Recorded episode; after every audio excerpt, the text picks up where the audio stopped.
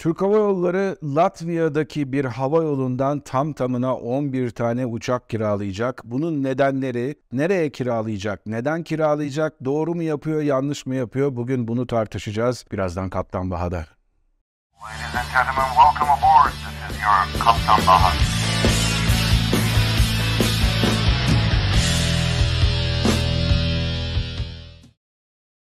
Herkese merhabalar arkadaşlar. Ben Kaptan Baha, Bahadır Acuner. Yepyeni bir Kaptan Baha videosuyla sizlerle beraberiz. Geçtiğimiz günlerde açıklandığı üzere Türk Hava Yolları Latvia'daki bir şirketten tam tamına 11 tane Airbus 320 yaz sezonu için kiralamaya karar verdi. Şimdi Türk Hava Yolları neden böyle bir yola gitti? Hangi operasyonlarda kullanılacak bu uçaklar? Bunun ayrıntısına girmeden evvel isterseniz Türk Hava Yolları'nın daha önceden nasıl bir çözümle uçak kiraladığına bakalım. Türk Hava Yolları zaman zaman kendisinin ihtiyaçlarını karşılamak amacıyla başka hava yollarından uçak kiralama yoluna gidebiliyor. Örneğin son yıllarda artan kargo talebini karşılayabilmek için elinde olmayan 747 filosunu başka hava yollarından temin ederek oradan hem hava yolu ekipleri hem de uçakları kiralayarak talebi karşılama yoluna gitti.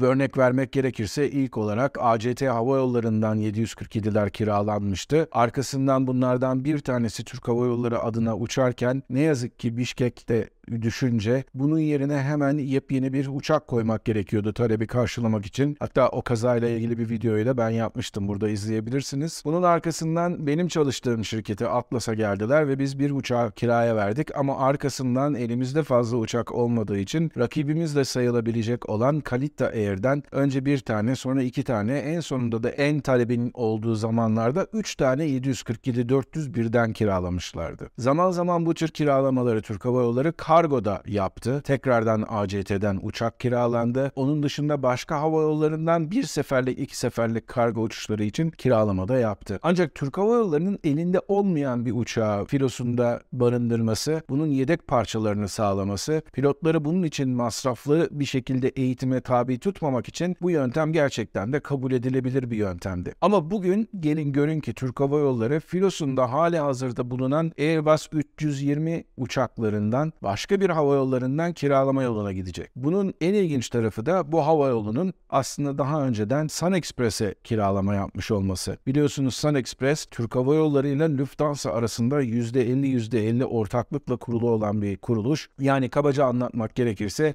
Türk Hava Yolları'nın iştiraki olan Sun Express'e bir 10 lira giriyorsa bunun 5 lirası Lufthansa'ya gidiyor. 5 lirası da bir anlamda Sun Express'e gittikten sonra dolaylı olarak Türk Hava Yolları'na gelmiş oluyor diyelim. Sun Express güzel bir hava yolu, ilginç bir hava yolu. Çünkü 80'lerin sonunda özellikle 70'li yıllarda öngörülen Antalya bölgesi, diğer adıyla Türk Rivierası diye anılan bölgedeki turistlerin getirilmesi amacıyla planlı bir şekilde kurulmuş bir hava yolu. 80'lerin sonunda kuruluyor ve 737 klasiklerle, 300'lerle, 400'lerle hizmet veriyor. Daha sonradan 737-800 serisi ilan edildiğinde de onlardan da sipariş veriyor. Geçen günü ben Instagram'da bir soru sormuştum. 757'lerin kuruluş tarihiydi ve hakikaten Sun Express zamanında 757'leri de kullanmış olan bir hava yoluydu. Amaç sadece ve sadece o bölgeye yurt dışından özellikle Almanya gibi ülkelerden turistleri kendi imkanlarımızda taşımaktı ve bu amaçla Lufthansa ile Türk Hava Yolları bir ortaklık yaparak böyle bir hava yolu kurmuştu. Ancak geçtiğimiz yıllarda Türk Hava Yolları'nın kendi bünyesinde çıkarttığı bir alt markası var. Anadolu Jet ve Sun Express'te hem kendi uçaklarıyla zaman zaman hem de zaman zaman kendi ekipleriyle ama Türk Hava Yolları uçaklarıyla Anadolu Jet adına uçuşlar yaptı.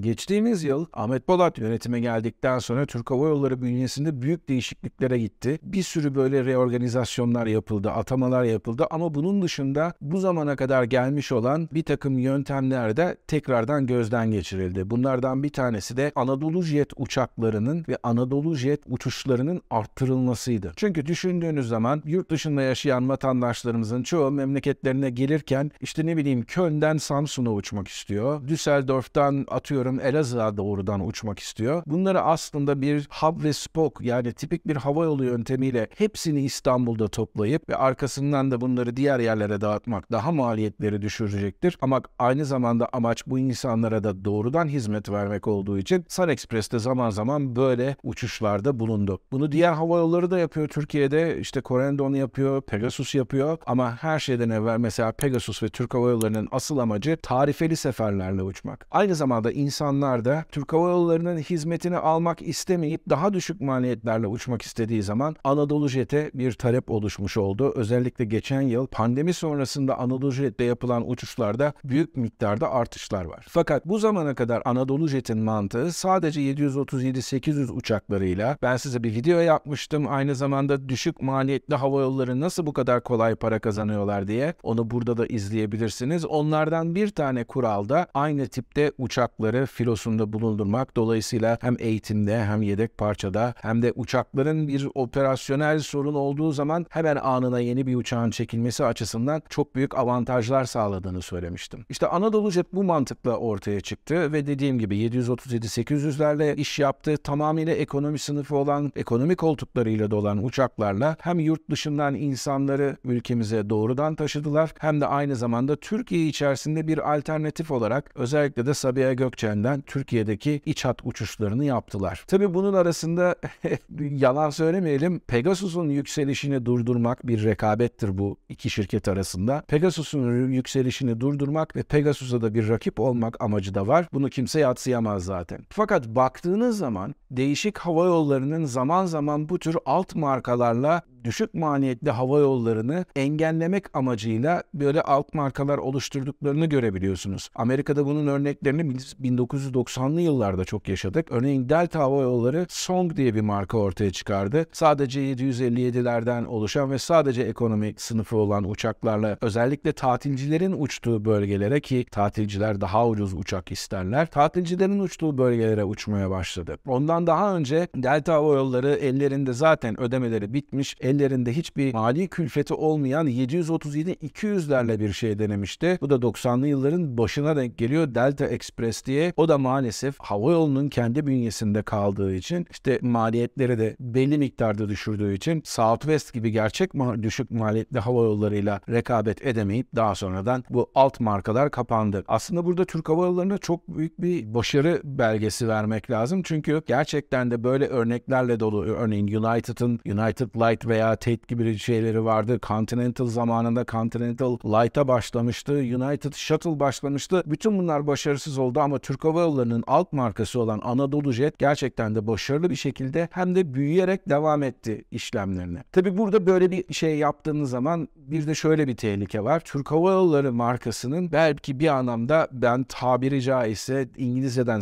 çevirerek söylüyorum. Kötü anlamda değil. Sulandırılması olayı var. Yani dilution denilen bir olay var. Marka sulandırılması demek de sizin gerçekten iyi bir markanız var ama onda bir alt marka yaratıyorsunuz ve bu yarattığınız alt marka sonucunda da gerçek markanın değeri bir anlamda düşüyor ve oraya olan talep düşüyor. Bu sefer ana markayı elinizden kaybetmeniz riski var. Belki de bu anlamda özellikle Türk Hava Yolları'nın gerçekten çok iyi olan markalaşmış yüzüne bir anlamda da zarar verebilir mi diye düşünmemek elde değil Anadolu Jet'in. Neyse şimdi bu uçaklar nereden kiralanıyor? Bu uçaklar dediğim gibi geçen yıl Sun Express tarafından kiralanan Smart Links adı verilen bir Latviyalı bir şirket tarafından kiralanıyor. Bu şirket 11 tane 320'yi Anadolu Jet markası altında işletmeye başlayacak. Peki burada ne olacak? Şimdi Anadolu Jet'in şöyle bir durumu ortaya çıktı. Dediğim gibi Ahmet Bolat yönetiminden sonra özellikle de ben bunu kendisine LinkedIn'de sormuştum bir soru olarak. Anadolu Jet'in tek tip uçak markasında büyük bir değişikliğe gidildi. Şu an Anadolu Jet'te 3 tane Airbus 320 Neo var. 8 tane 321 Neo var. 7 tane 737 Max var ve 50 tane de daha önceden gelen 737 800'ler var. Şimdi bu kadar çok fazla değişik uçağa sahip olunca şöyle bir sorun ortaya çıkıyor. Bunların bir kere koltuk konfigürasyonları Allah'lık Ali Bey şeklinde. Siz eğer İstanbul Londra'dan Airbus 321 uçağıyla Neo ile yolculara 210 kişilik koltukla sattıysanız bilet ve o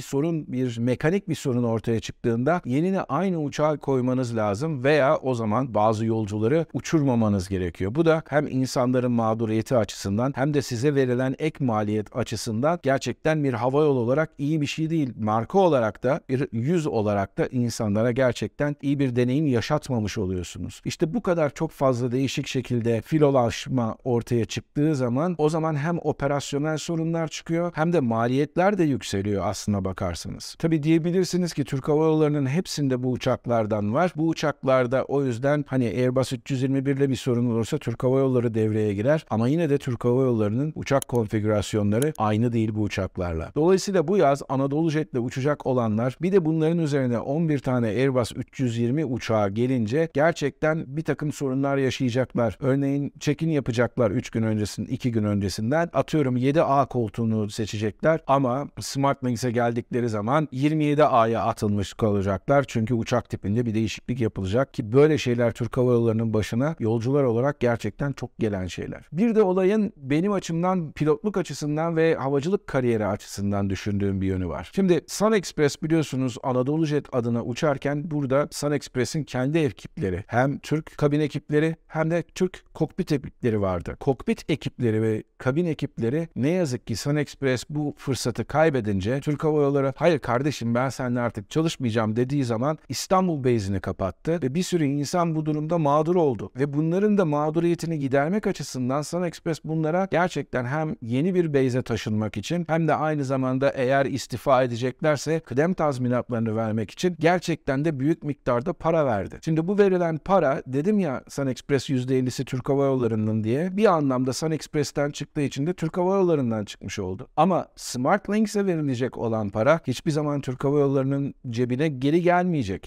Sun Express evet belki para kazandığı zaman Türk Hava Yolları'na bir katkısı oluyordu ama şu an tamamıyla yurt dışına gidecek. Yabancı pilotlar uçuracaklar bu uçakları ve yabancı pilotların dışında yabancı kabin ekiplerinin olduğunu da düşünüyorum. Bu konuda tam teyit alamadım. Ne yalan söyleyeyim. Hiçbir şey söylemeyeyim isterseniz. Ama bence yabancı kabin ekipleriyle uçacaklar. Belki bir iki tane içeriye Türk ekiplerden de koyup onlara destek olmak amacıyla da Türk ekiplerine de yer verebilirler. Şimdi her şeyin yerli ve millisini yapmaya çalıştığımız ve özellikle de deprem sonrasında insanlara iş ortamı yaratmaya çalıştığımız zaman da yabancı bir hava yollarına gel bizle uç demek, bizim adımıza uç demek bence biraz abes oluyor. Ben böyle bakıyorum olaya. Özellikle de Sun Express açısından da baktığınız zaman Sun Express gerçekten iyi bir hava yolu ve uçuşlarına da tabii ki bu olaydan sonra devam edecek ama özellikle düzenleri yerleşmiş insanların düzenleri bozmak açısından da hem kokpit ekipleri hem de kabin ekiplerini mağdur ettikten sonra gelip de yabancılara iş vermek ve yabancılara belki de yatacakları o iş boyunca otel sağlamak zorunda kalmak bence maliyetleri çok düşürüyor. Yani